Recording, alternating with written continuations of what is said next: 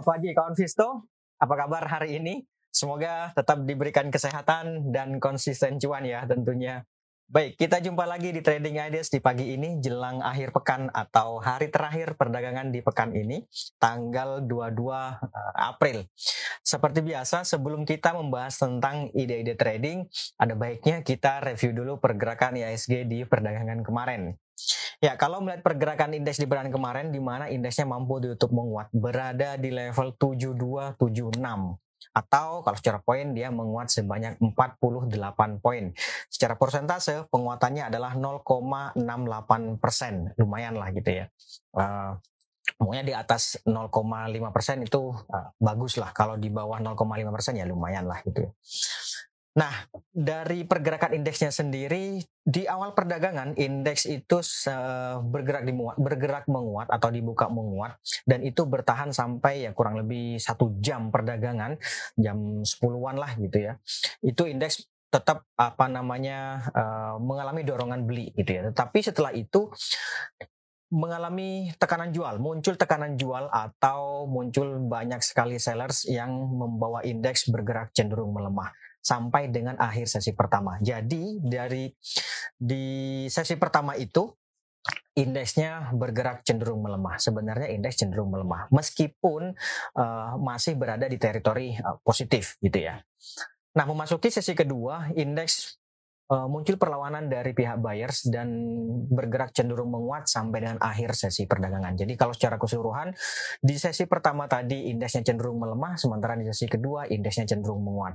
Nah, secara keseluruhan menjadi penguatan indeks di perdagangan kemarin uh, apa namanya cukup fluktuatif dan kecenderungan menguat terbatas. Tuh.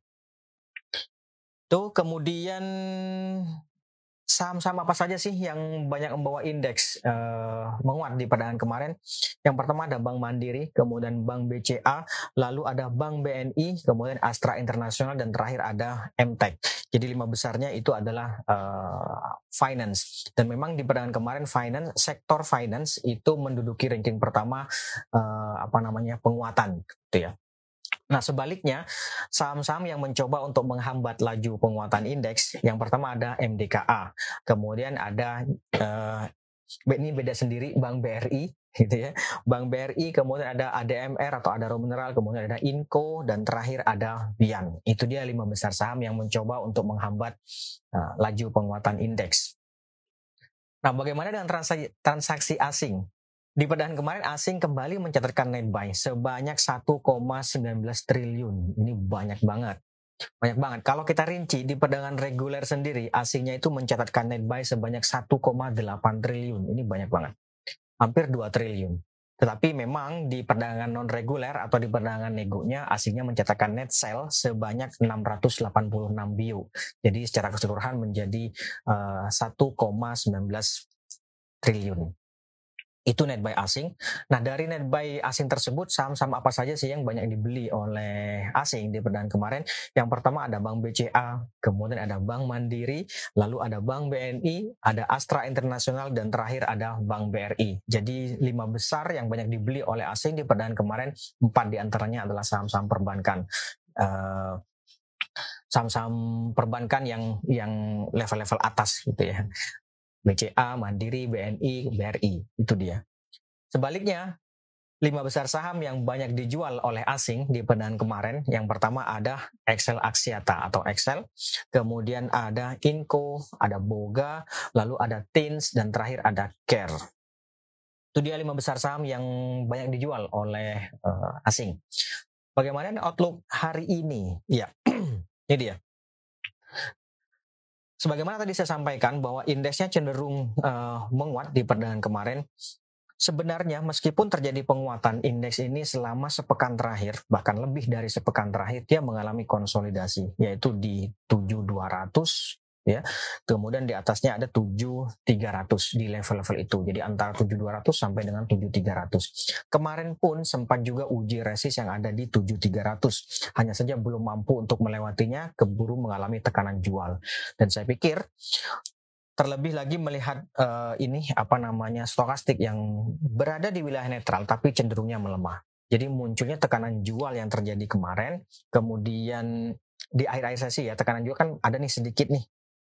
Ya meskipun sedikit gitu ya, tapi tetap aja ketidakmampuan atau kegagalan indeks bergerak di atas 7300 itu berpotensi untuk melanjutkan konsolidasi dengan bergerak eh, apa cenderung melemah menuju support level yang terdekat yaitu di 7215. Jadi diperkirakan hari ini akan uh, bergerak fluktuatif, kembali bergerak fluktuatif indeksnya, tetapi dengan kecenderungan melemah terbatas. Bisa saja memang di awal dibuka menguat, kemudian dengan seiringnya berjalannya waktu, uh, penguatannya semakin menipis. Tuh, bahkan bisa saja icip-icip atau berada di teritori negatif, gitu ya. Range pergerakan diperkirakan antara 7215 sampai dengan 7300 di level-level itu. Oke, itu untuk IHSG. Sekarang kita beralih ke ide trading. Yang pertama ada SCMA. ya, SCMA. Ya. Nah, kalau melihat pergerakan harga di perdagangan kemarin nih SMA nih mampu ditutup menguat, memang penguatannya tipis, hanya satu poin, tapi tampaknya harga juga sedang mencoba untuk bertahan di atas 260. Saya pikir ini cukup menarik, terlebih lagi bullish crossover juga terjadi pada uh, stokastik. Coba bagaimana kita lihat di, di weekly-nya. Ya, weekly-nya masih lumayan sih, gitu ya. Jadi ada dua strategi yang bisa dipertimbangkan untuk uh, eh, SCMA. Yang pertama adalah spekulatif buy. Spekulatif buy bisa dipertimbangkan di 260 sampai dengan 264 itu uh, apa namanya kalau mau spekulatif buy. Tapi yang kedua adalah buy on witness. Kalau mau buy on witness ya di 256 sampai 260 saya pikir boleh dipertimbangkan di level-level itu gitu ya. Yang jelas kalau support kuatnya itu ada di sini nih 244. Tapi dengan perdagangan kemarin saja yang apa namanya tampaknya mencoba untuk bertahan di atas 260 ini ini sebenarnya sudah boleh sih uh, spekulatif buy. Nanti targetnya di berapa? Katakanlah kita dapat harga di 2 64 katakanlah dapat harga di 264 ya. Bisa dipertimbangkan take profitnya itu di 278 harusnya sih cukup. 278 kemudian di atasnya ini ada 284 nih yang garis oh, sorry 284 di sini kawan. Tengah-tengah lah gitu ya. Bentar, bentar saya kasih garis saja. Tuh 284 di situ. Idealnya memang take profitnya di 290 itu uh, ideal gitu Oke, itu untuk SCMA. Nanti stop lossnya kalau dapat harga di 264 atau dapat harga di 260, maka stop lossnya boleh dipertimbangkan di bawah 254. Tuh. Oke. Itu untuk SCMA. Kemudian kita lanjut. Ada lagi BCA. Ya, ini dia BCA. BCA sebenarnya kalau kita lihat di sini kan dia mengalami konsolidasi ya. Konsolidasi sudah hampir tiga bulan lah, kurang lebih tiga bulan gitu ya konsolidasinya. Dan kemarin kegagalan harga untuk melewati support level yang ada di sini nih 7650 dia kan mengalami rebound. Saya pikir reboundnya masih ada peluang untuk berlanjut. Uh, stokastiknya juga menarik ini bullish crossover dan mulai bergerak meninggalkan uh, oversold area saya pikir boleh saja ini dipertimbangkan untuk trading buy. Trading buy bisa di 7825 sampai 7925. Saya pikir bisa di level-level itu. Nanti target take profitnya di 8075 di sini kawan yang biru ini. 8075 di atasnya ada 8175 di sini. Cukup menarik sih untuk uh, eh, BCA ya. Nanti stop lossnya misalnya ini dapat harga di 7800 atau 7825 ya stop lossnya boleh dipertimbangkan di bawah 7750 atau sekalian nanti di bawah sini di bawah 7650 ini gitu. Makanya trading buy ya seperti sebagaimana yang saya ulang-ulang terus, kalau trading buy berarti potensial risknya lebih besar dibandingkan dengan potensial return. Oke, itu untuk BCA. Kemudian berikutnya ada ADMR. Oke. Nah, ini dia ADMR.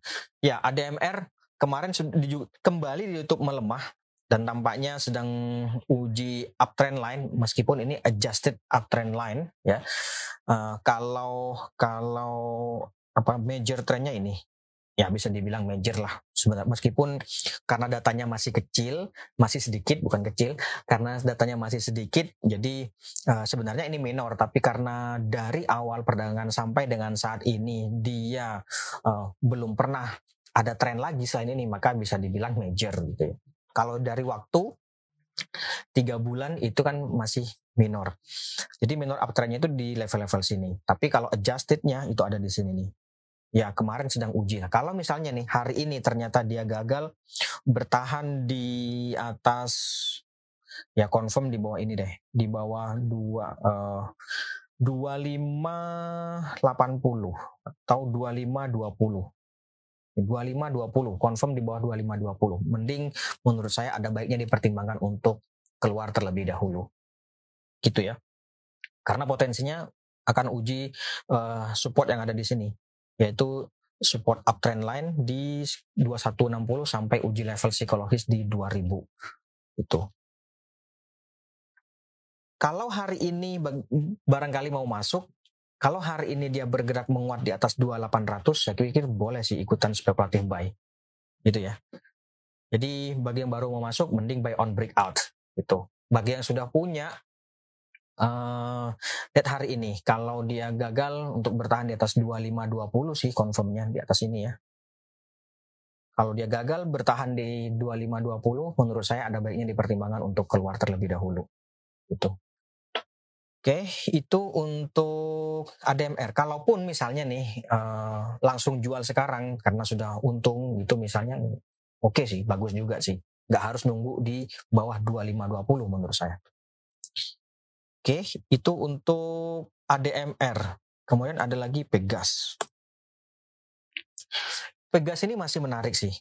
Nih ya, uh, uh, kita lihat ya, kita lihat gambaran besarnya dulu.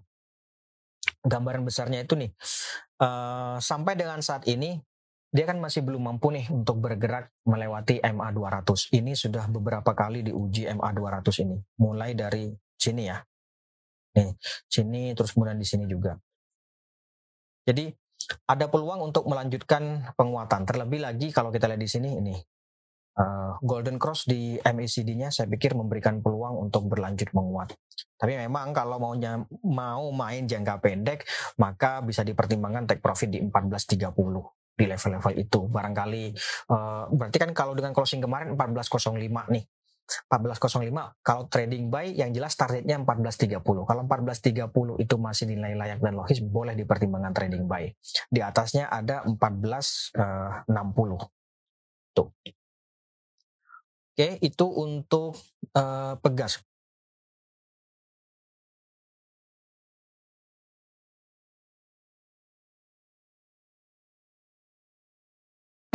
Kemarin sih sebenarnya sudah uh, uji 1430 ya. Tapi ya kembali nggak kuat ya di atas uh, nggak kuat di atas 1430 gitu. Oke, itu untuk Pegas. Kemudian berikutnya ada lagi Buka. Nah, Buka ini juga uh, sempat uji resist 380 bu, uh, bukan uji resist tertinggi kemarin kan 74 resistnya itu 7, 380 dia pun di angka itu belum belum mampu dia bergerak di situ. Jadi menurut saya ada baiknya ini dipertimbangkan bisa buy on breakout ya di atas 380 di atas sini. Atau ya kalau mau main uh, buy low sell high ya bisa saja 354 antri 354 sampai 360-an gitu ya di level-level itu. Tapi kalau misalnya nih saya 380 cukup sih. Ya menurut saya kalau mau take profit di 380 bisa saja 372 itu spekulatif buy atau 368 itu spekulatif buy gitu ya. Nanti targetnya kalau dapat harga di 368 saya jual 380 oke okay, nggak apa-apa ya itu boleh sih. Oke, okay. jadi 368 sampai 372 bisa dipertimbangkan di level-level itu. Nanti target take profitnya 380. Kemudian di atasnya ini cukup ideal untuk take profit itu ada di 390. Masih panjang perjalanan. Tapi memang sih kalau melihat pergerakan harga, ini ada peluang untuk uh, apa namanya reversal trend. Itu ya. ini kan sudah membentuk higher low itu ya. Sekarang uh, tinggal higher high-nya. Nyusul nggak higher high-nya? Yaitu di atas ini nih. Berapa nih? 390 di atas itu. Cukup menarik sih. Oke itu untuk uh, buka. Kemudian ada lagi BBHI ya BBHI kemarin ditutup melemah tipis dua poin gitu ya. Dan uh, tampaknya harga juga belum mampu untuk bergerak di atas 6.500 di atas sini nih kawan. 6.500 lah. Yang jelas resisten levelnya 6.500 kemarin kan closing 6.300 mau trading buy ya boleh-boleh saja. 200 cukup nggak? Kalau cukup ya bisa sih dipertimbangkan untuk trading buy. Atau kalau mau ideal ya tentu adalah buy on weakness. Tunggu aja di sini nih. Ini berapa nih 6.100 lah. 6.075 sampai dengan 6.150 ya di level-level itulah uh, kalau mau uh, cukup ideal gitu ya by on witness. Tapi kalau nggak apa-apa sih 6.500 dari closing kemarin kan 6.300. Saya 6.500 take profit nggak apa-apa sih. Oke, okay, nggak apa-apa trading buy. Itu. Oke, okay. itu main jangka pendeknya seperti itu. Oke, okay, itu untuk BBHI di atasnya 6.800 eh sorry di atasnya 6.500 itu ada 6.800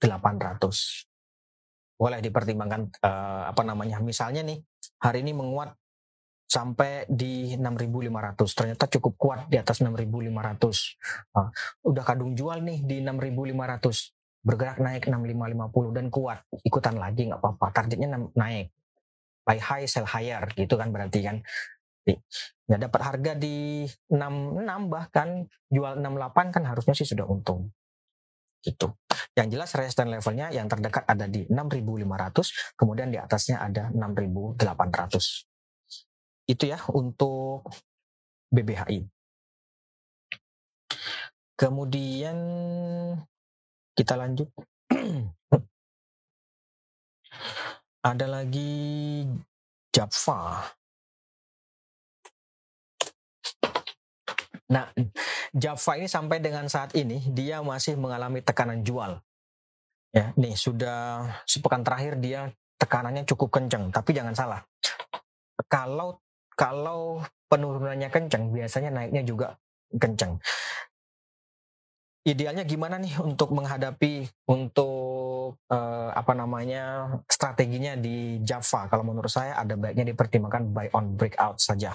Misalnya hari ini dia bergerak menguat sampai di atas 14.20 atau confirmnya di atas 14.35 gitu ya. Boleh sih dipertimbangkan untuk trading buy. Cukup menarik sih. Katakanlah kita dapat harga di 14 di atas 14.35 gitu ya. Nanti target take profitnya di berapa? Saya pikir boleh dipertimbangkan di 14 65 atau 1485 di level-level itu uh, boleh dipertimbangkan untuk take profit gitu ya. Tapi misalnya semisal hari ini dia melanjutkan pelemahan mending jangan di jangan ditangkap dulu gitu. Jadi menurut saya karena ini tekanannya cukup cukup apa? Tekanannya cukup tinggi gitu ya atau cukup dalam gitu ya. Pokoknya pokoknya tekanan jualnya tinggi lah gitu ya mending uh, kita tunggu pas ada uh, indikasi uh, setidaknya swing gitu ya. Oke, okay. itu untuk Java. Kemudian ada lagi Zing. Oke, okay, ini dia Zing. Zing. Ya, Sampai dengan saat ini sih sebenarnya harga mengalami konsolidasi ya. Konsolidasi nih. Ya coba bertahan di atas ini nih. Ini support yang uh, cukup kuat sih memang di 87 tapi kalau mau ideal menurut saya sih 85 sampai 87 deh kali ya. Atau 85 uh, eh, sorry, ini 84 84 86 8486 buy on witness boleh coba dipertimbangkan di level-level itu. Kalau dapat 84 misalnya, 88 keluar. Itu. Jangan tunggu lama-lama karena sebenarnya kalau trennya kan ini sedang downtrend. Itu ya. Ini kan downtrend nih, gambaran besarnya itu downtrend. Nih. Mudah-mudahan kelihatan. Tahu saya kasih ininya deh. Mudah-mudahan kelihatan ya. Ini dia nih. Kalau gambaran besarnya ini kan downtrend nih. Kan sampai dari sini juga masih downtrend. Anggaplah yang uh, minornya bisa dari sini gitu ya. Nih. Jadi kalau punya, kalau menurut saya sih kalau mau main ini nggak usah main jauh-jauh, mending main deket-deket aja gitu ya. Ya sekitar pekarangan rumah lah. Dapat 84, jual 86 bahkan itu sudah untung. Bahkan 84 pun sudah untung sih. Masalahnya cukup atau enggak gitu aja sih. Oke, tuh kalau mau ideal take profit ya tentu ideal take profitnya di sini nih di yang garis hijau nih kawan 96. Tapi sampai dengan saat ini kalau melihat pergerakan harga dia eh, apa namanya jarang sekali dari 88 dia langsung uh, naik ke 96 gitu misalnya dari sini dia mengalami penguatan langsung ke uh, resist uh, apa namanya optimal atau ke resist ideal itu uh, melihat sejarah-sejarahnya itu jarang banget jarang banget. Bahkan dalam enam bulan terakhir sepertinya belum ada gitu. makanya mainnya dekat-dekat saja gitu. Oke dapat harga di 88 jual 90 cukup sih. Cukup. Oke itu untuk zinc. Kita lanjut. Ada lagi Telkom. Ya, Telkom ini cukup menarik sih sebenarnya. Dia kan kalau uh, major trend ini bisa dibilang masih uptrend. Berarti kan kalau uptrend itu kita ya bisa saja buy at any price itu boleh sih. Kalau uh, apa namanya uh, trennya up, major trennya itu uptrend. Tetapi kalau melihat momentum atau uh, apa fluktuasi harga dalam jangka pendek, maka idealnya ini adalah buy on weakness. Itu ya. Ini kan view uh, view-nya short to medium dulu. Kalau view-nya untuk short to medium, maka ini adalah view uh, idealnya buy on weakness, yaitu boleh dipertimbangkan 4.500 ke bawah. Ya, kisaran sini lah 4.500, 4.400 di level-level situlah uh, cukup ideal untuk uh, apa namanya spekulasi buy di situ. Itu untuk short to medium. Tapi kalau untuk short term, kalau untuk short term ya menurut saya ini yang punya jangan dicampur ya. Short term sama short, short to medium beda nanti.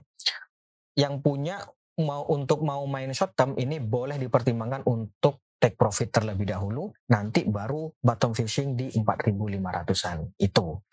Nanti buyback ternyata setelah jual kok malah naik itu misalnya.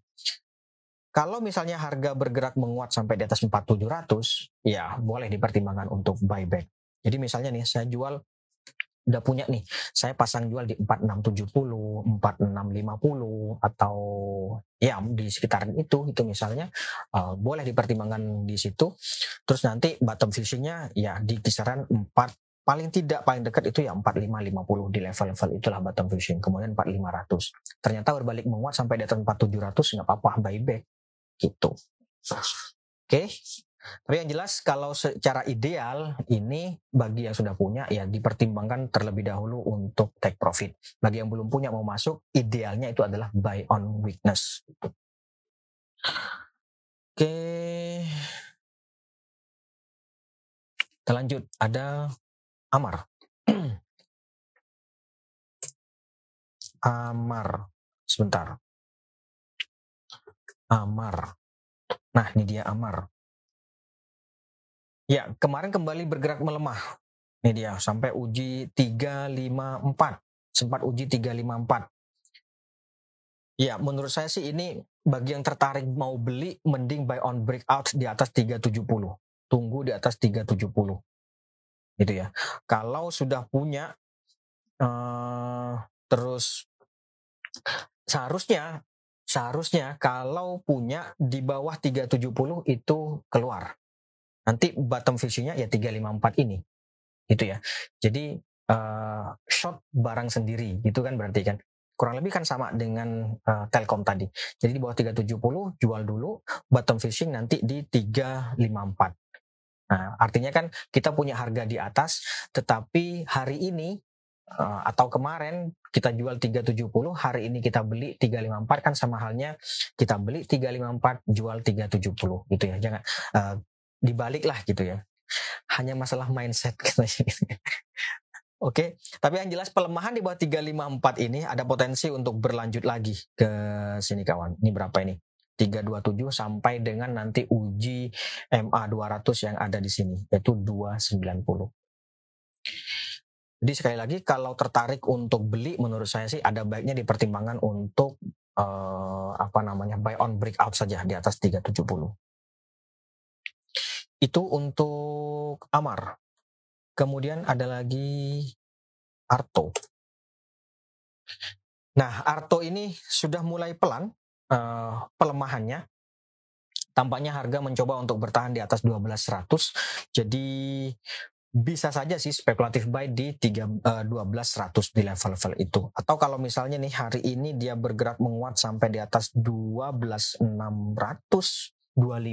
atau 12600 boleh sih dipertimbangkan untuk spekulatif buy atau trading buy nanti targetnya 13.000 cukup nggak? Harusnya sih cukup. Itu ya.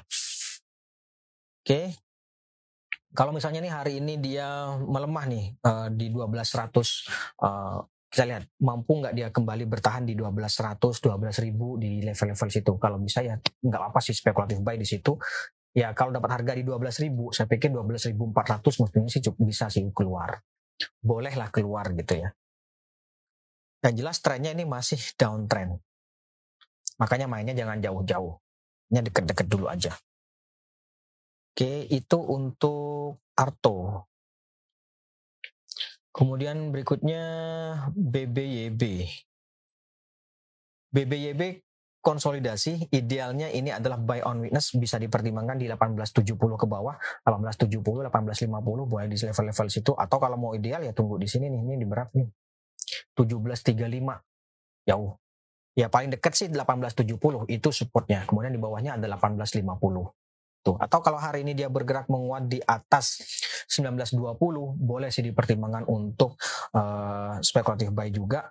Nanti targetnya di sini kawan. Ini berapa nih? 2000. Iya. Cukup nggak? Cukup sih harusnya ya. 2000.